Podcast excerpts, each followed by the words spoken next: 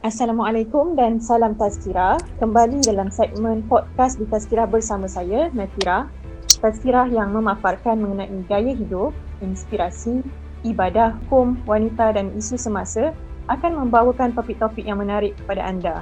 Jadi untuk episod kali ini, kami bawakan kepada anda Encik Suhaizi bin Suhaimi seorang pensyarah bahasa Melayu di Universiti Islam Antarabangsa Malaysia. Untuk episod kali ini, kita akan mengupas dengan lebih lanjut mengenai topik yang dibawakan khas untuk para pendengar bersempena Hari Malaysia iaitu manifestasi cintakan negara di zaman millennials.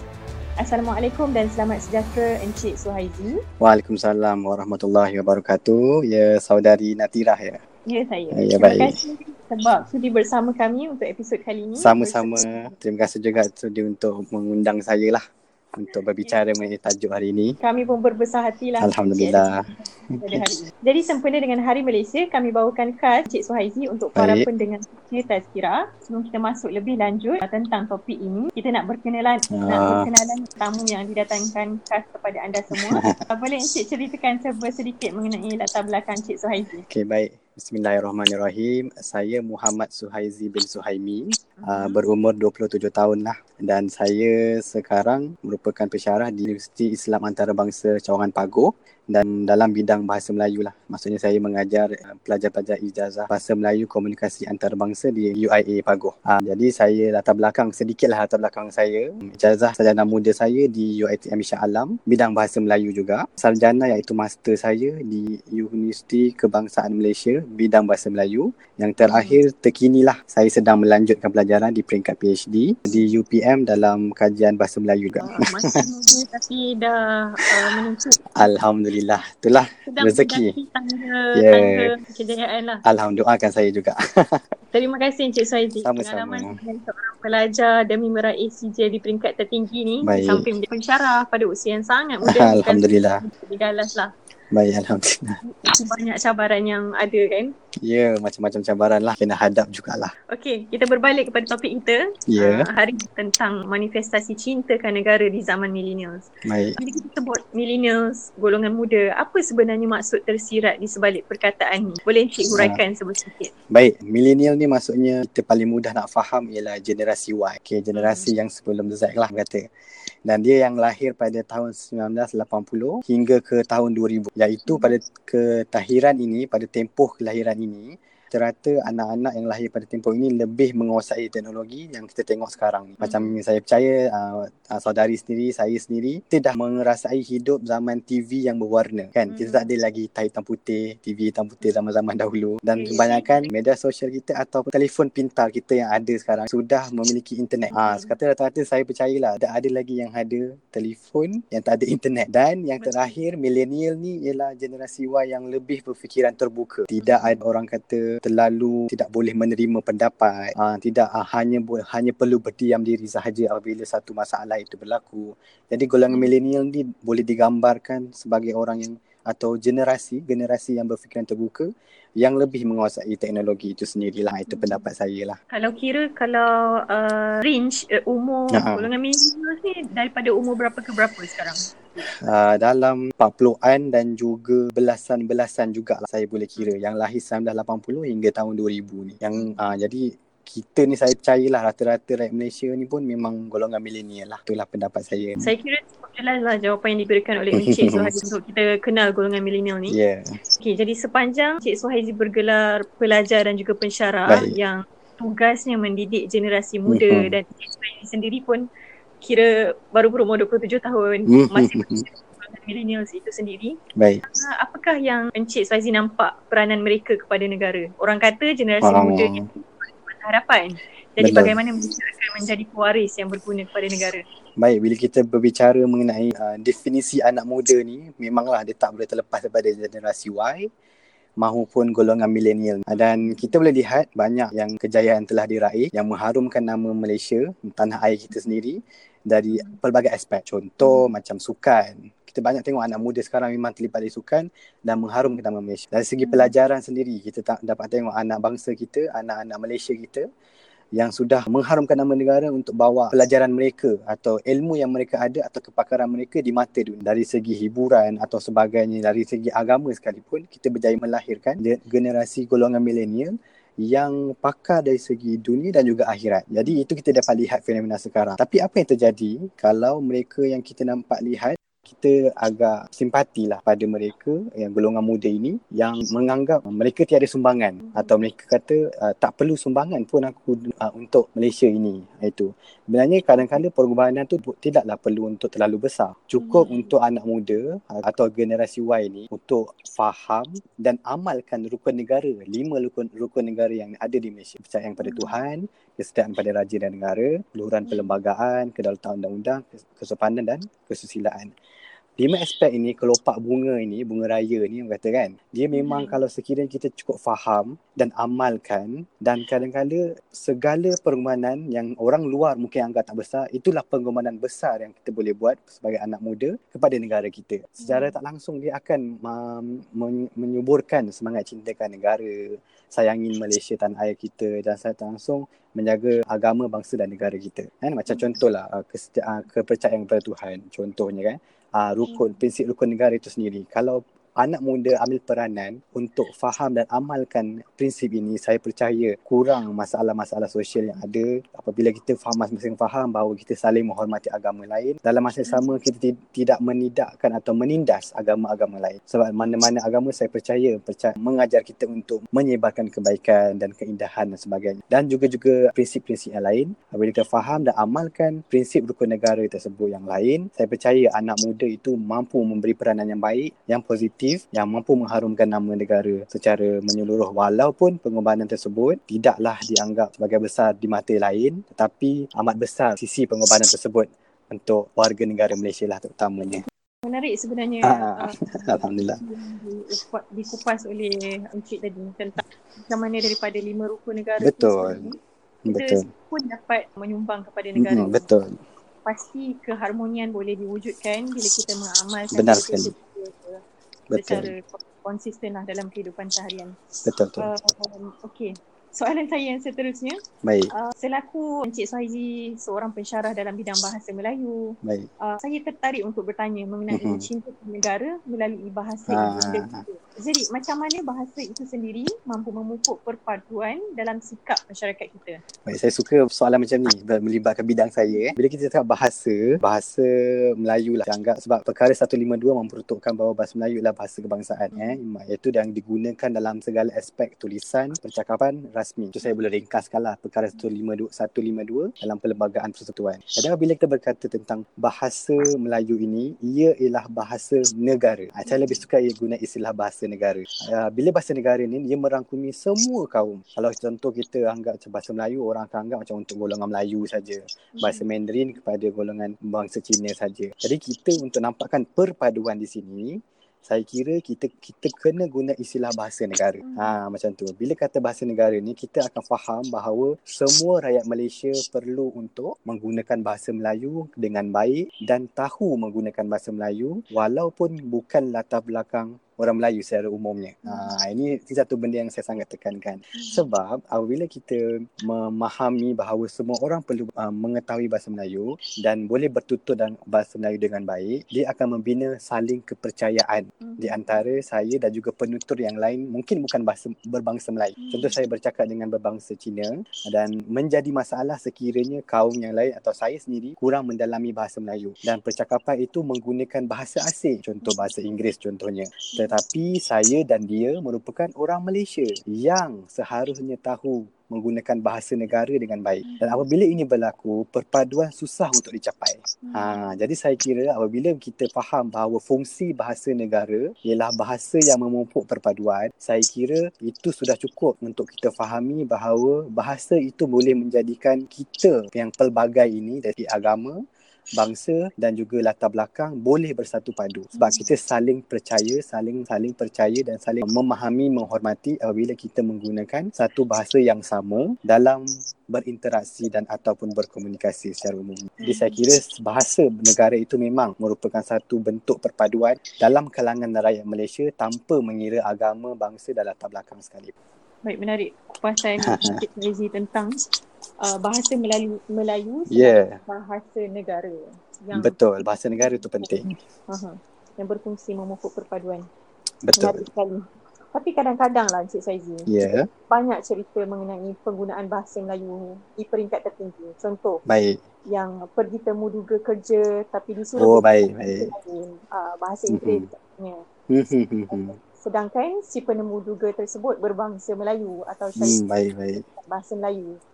Uh, malah ada juga dalam kalangan kita yang berbangsa Melayu tetapi tak fasih dalam penggunaan bahasa. Hmm, itu sangat menyedihkan lah. Jadi Okey. apa pandangan Cik Suhaidi mengenai perkara ini dan macam mana cara untuk mengatasinya agar bahasa Melayu tidak mudah Hmm. di tanah air kita sendiri suatu hari ini. Baik. Bila kita cakap pasal golongan milenial ni, golongan yang sedang mencari kerja pun boleh juga. Eh? Kita boleh katakan sebab memang golongan generasi Y ni ialah generasi yang keluar belajar habis degree contohnya akan berpusu-pusu untuk cari kerjaan yang sesuai atau yang berpatutan dengan uh, kelayakan mereka. Dan dia tak boleh elak daripada sesi temu duga. Dan kita dapat lihat sekarang ni ialah kebanyakan mereka yang menemu duga ini memerlukan untuk calon untuk fasih berbahasa Inggeris dan bahasa Melayu itulah bukan keutamaan. Bagi saya itu satu perkara yang saya kira amat uh, memilukanlah untuk kita sebagai rakyat Malaysia untuk mengutamakan bahasa negara itu sendiri. Dan namun begitu kita kena faham perkara tersebut tidak dapat dielakkan. Apabila kita faham bahasa Inggeris itu sendiri ialah bahasa antarabangsa atau international language yang memang digunakan pakai oleh satu dunia yang Malaysia juga terpalit untuk menggunakan bahasa Inggeris semasa dalam pekerjaan dan juga semasa sesi temu temu duga dan sebagainya. Namun bagi saya untuk elakkan 100% tidak dapat. Saya akui banyak kajian pun mengatakan bahawa apabila kita mempelajari bahasa selain pada bahasa ibunda kita, kita akan cenderung untuk gunakan juga bahasa lain itu sebagai perbualan harian dan secara tak langsung dia akan memberi kesan kepada sesebuah institusi. Mhm. Terutamanya institusi yang mengambil orang bekerja lah. Jadi apa yang cara untuk kita atasi ialah kita kena satu pertama sekali faham bahawa fungsi bahasa Melayu itu sebagai bahasa negara yang menjadi keutamaan walau di mana atau apa atau sebarang situasi sekalipun saya kira. Dan kadang-kadang ketua-ketua ini yang mengambil kerja kurang faham saya kira. Ha? Kurang faham tentang fungsi bahasa negara itu sendiri yang perlu diletakkan utama dalam sesi pengambilan pekerja. Mhm. Sebab saya percaya eh, bahasa Inggeris ni kita dah belajar daripada kecil lagi yang sebenarnya peng, tahap penguasaan itu dalam keadaan yang baik bahasa Inggeris. Tidaklah tak, saya percaya rata-rata rakyat Malaysia macam mana pun bahasa Inggeris kita masih dalam keadaan yang baik. Jadi saya tak merasakan bahawa bahasa Inggeris itu menjadi keutamaan Hmm. untuk syarat wajib diterima ke sebuah institusi institusi pekerjaan. Hmm. Sebaliknya perlu utamakan bahasa Melayu terlebih dahulu sebab kita kena berpijak di bumi nyata kita berada di bumi Malaysia iaitu bahasa negaranya ialah bahasa Melayu dan uh, bahasa Inggeris itu sekadar kata nilai tambah saja namun bukan sebagai keutamaan. Jadi kesedaran tu perlu dipupuk macam saya cakap tadi pada soalan yang sebelum ini bahawa kefahaman perlu ada untuk faham bahawa bahasa Melayu ini ialah bahasa negara. Eh, mungkin dari bagi sekolah, guru-guru atau masa kita belajar dulu, uh, tenaga pengajar ini sendirilah antaranya perlu untuk tekankan bahawa bahasa Melayu ialah bahasa negara yang perlu diberi keutamaan dan uh, bahasa selain bahasa Melayu itu adalah sebagai nilai tambah sahaja untuk seorang calon itu pergi ke sesebuah institusi untuk uh, mengambil peluang temu duga itu sendiri. Mhm. Jadi saya kira saya saya percaya cara untuk atasi ialah fahamkan dulu tentang istilah bahasa negara itu sendiri. Ya para pendengar, sedikit sebanyak Hmm. saya yakin tips ni boleh diamalkan lah agar bahasa, Betul. bahasa negara, bahasa Melayu tidak mudah pupus Ya, dan menerima nasib seperti bahasa yang pernah hilang lah sebelum ni. Orang kata betul. sebelum hilang. Bahasa Melayu sebagai bahasa negara dan bahasa-bahasa lain sebagai nilai tambah. Uh, baru-baru inilah banyak kita dengar uh, isu yang berkaitan umat Islam yang selalu mencetuskan perasaan mungkin rasa Hmm, kalangan bangsa-bangsa lain baik, baik. uh, yang terutamanya bukan Islam lah. Contohnya Hmm. baru-baru ni uh, isu penggunaan tulisan Jawi, Hmm, hmm, campaign. hmm, tak Muslim. Adakah Cik hmm, melihat isu-isu sebegini dapat hmm. mengancam semangat perpaduan di Oh, negara okey, kita? baik.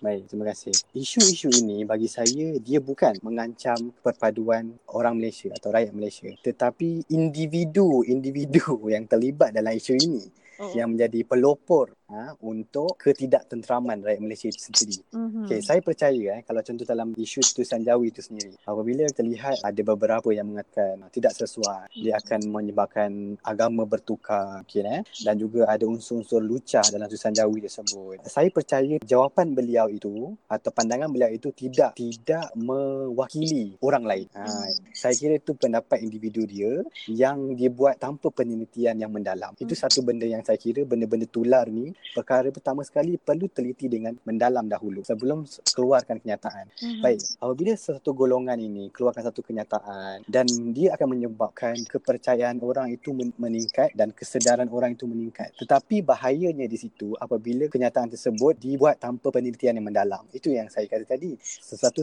uh, perkara yang tular perlu diteliti dahulu tanpa tak mengeluarkan kenyataan. Dan tulisan Jawi ni sendiri saya ambil contoh seperti yang saudari beritahu tadi. Tulisan Jawi ni bukan perkara baharu. Dia sudah perkara lama dah yang sudah kita gunakan sebelum tulisan Rumi lagi di tanah air kita sendiri. Dan mungkin ada beberapa perubahan sekian sekian sekian maka kita ubah pada tulisan Rumi. Namun penggunaan tulisan Jawi itu masih lagi diteruskan. Nam- tapi tidak secara meluas. Mhm. Dan baru-baru ini sudah mungkin ada suara-suara mengatakan bahawa pendidikan Nusa Jawi ini perlu diperkasakanlah lebih kurang macam tu. Yang itu yang kita silap bila beberapa golongan ini mengatakan bahawa akan menyebabkan atau mengancam perpaduan yang ada. Saya kira itu pertindakan atau kenyataan yang kurang bijak. Ya? Sebab kalau sekadar tulisan, di Malaysia banyak tulisan Jawi ada. Tulisan kaligrafi Cina ada. Tulisan yang mungkin bahasa Tamil saya kurang pasti apa tulis, bentuk tulisan yang digunakan. Sudah digunakan dengan meluas. Namun tidak ada pernah isu pun sampai tukar agama sekalipun saya percaya.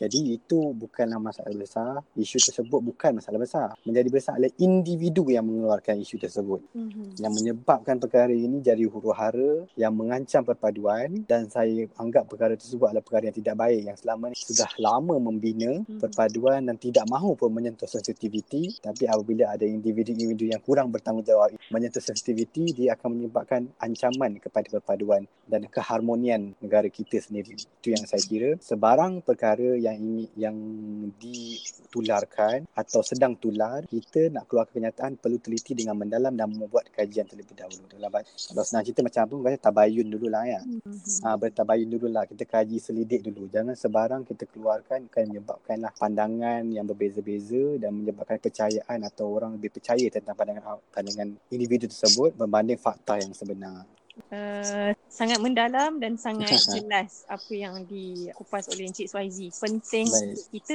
teliti dulu perkara Betul. sebelum Betul. keluarkan kenyataan. Baik, sebelum kita mengakhiri episod podcast mm-hmm. kali ini, mungkin Encik Suaizi ada beberapa pesanan kepada golongan muda di luar sana berkenaan bagaimana untuk menghadapi cabaran di masa sekarang. Kita lihat sekarang banyak benda yang tular terlalu mudah untuk kita dapat akses sama ada info yang tepat ataupun tidak tepat. Jadi bagaimana cara untuk mengatasi perkara-perkara ini agar anak muda kita punya ketahanan yang kuat untuk menghadapi anasir-anasir yang negatif. Baik, uh, saya pun yang mesti saya maklum tadi, saya pun seorang tenaga pengajar juga. Dan kadang-kadang perkara nasihat-nasihat ni kadang-kadang saya rasa anak murid saya pun dah muak lah kot dengar apa yang saya cakap dalam kelas tu. Tapi namun saya percaya apa yang ingin saya cakapkan ini boleh membantu untuk uh, sebagai anak muda ni atau milenial ni boleh jalani kehidupan seterusnya dengan baik atau masa hadapan dengan baik. Okay, nasihat saya bagi anak muda ini kita faham apabila kita ni lebih cenderung untuk bertindak daripada berfikir. Hmm. Itu saya percaya. Saya pun pernah alami zaman-zaman yang mungkin awal-awal milenial atau orang kata kan. Mm-hmm. uh, kita suka bertindak tanpa berfikir. Jadi saya nasihat saya sebelum kita melakukan tindakan keluarkan kenyataan keluarkan anggota badan kita untuk melakukan pergaduhan dan sebagainya mm. berfikir dahulu. Sebab seorang yang matang itu bukan berdasarkan umur. Seorang yang matang itu daripada tindakan dan juga pemikirannya itu menunjukkan dia matang. Mm-hmm. tak kisahlah dia milenial ke golongan Z ke Y ke X atau sebagainya. Saya kira kira tindakan yang matang ber, bermula daripada pemikiran yang matang. Jadi sebelum untuk kita mulakan tindakan, berfikir dahulu. Sebab kesannya akan jadi lebih besar apabila kita bertindak mengikut hati dan perasaan tanpa uh, panduan yang jelas. Hmm. Ha? Uh, macam uh, untuk negara tanah air sendiri. Mungkin kita anggap kita punya pengorbanan tak ada untuk tanah air kita. Hmm. Tapi berbalik pada apa yang saya cakapkan tadi, apabila kita faham pada prinsip rukun negara, lima prinsip rukun negara tersebut, sudah tentu itu ialah pengorbanan yang besar daripada kita golongan milenial ini untuk terus mengharum atau memajukan atau menaikkan melonjakkan nama Malaysia di mata dunia. Itu yang penting. Jadi dari segi bahasa pula saya kira untuk mewujudkan perpaduan perlu untuk kita faham bahasa negara itu penting tanpa mengira agama, bangsa dan juga latar belakang. Ha, perlu untuk faham bahasa negara ialah bahasa kita bersama yang iaitu dia akan memupuk bahasa negara tersebut akan memupuk perpaduan dan saya tak langsung saling kepercayaan dan saling hormat menghormati akan lebih terbina apabila kita faham fungsi bahasa negara tersebut sebagai bahasa perpaduan. Mm-hmm. Ha, jadi saya kira untuk anak muda kita balik pada agama juga kalau yang muslim kalau rasa nak marah kita akan perlu bertenang dahulu ambil wuduk atau sebagainya hmm. mana-manalah golongan muda ah, seterusnya jangan bertindak mengikut perasaan perlu untuk berfikir dan secara waras dan itu menunjukkan kematangan kita dalam berfikir hmm. dan secara langsung tindakan tersebut boleh menyatupadukan kita rakyat Malaysia secara khusus uh, baik Terima kasih banyak Encik Suhaizi bahasa negara Baik, bahasa kita bersama bahasa Betul. uh, perpaduan dan saling kepercayaan. Betul. Betul. Saya kira sudah terlalu banyak input yang diperincikan oleh Encik Suhaizi bin Suhaimi berkenaan Baik. cabaran anak muda masa kini. Dari mata beliau sebagai seorang pensyarah dan juga golongan muda sama seperti anda semua. Kami dari Tazkira mengucapkan terima kasih banyak kepada Encik Suhaizi kerana sudi meluangkan masa untuk bersama kami bagi berkongsi ilmu yang cukup bermanfaat kepada semua. Semoga uh, sedikit sebanyak perkongsian ini mampu menjadikan kita golongan yang celik dan cintakan negara. Jadi itu sahaja untuk episod podcast kali ini. Terima kasih banyak Encik Suhaili. Sama-sama. Terima kasih juga menjemput saya. Untuk lebih banyak informasi menarik, teruskan bersama kami di tazkira.com.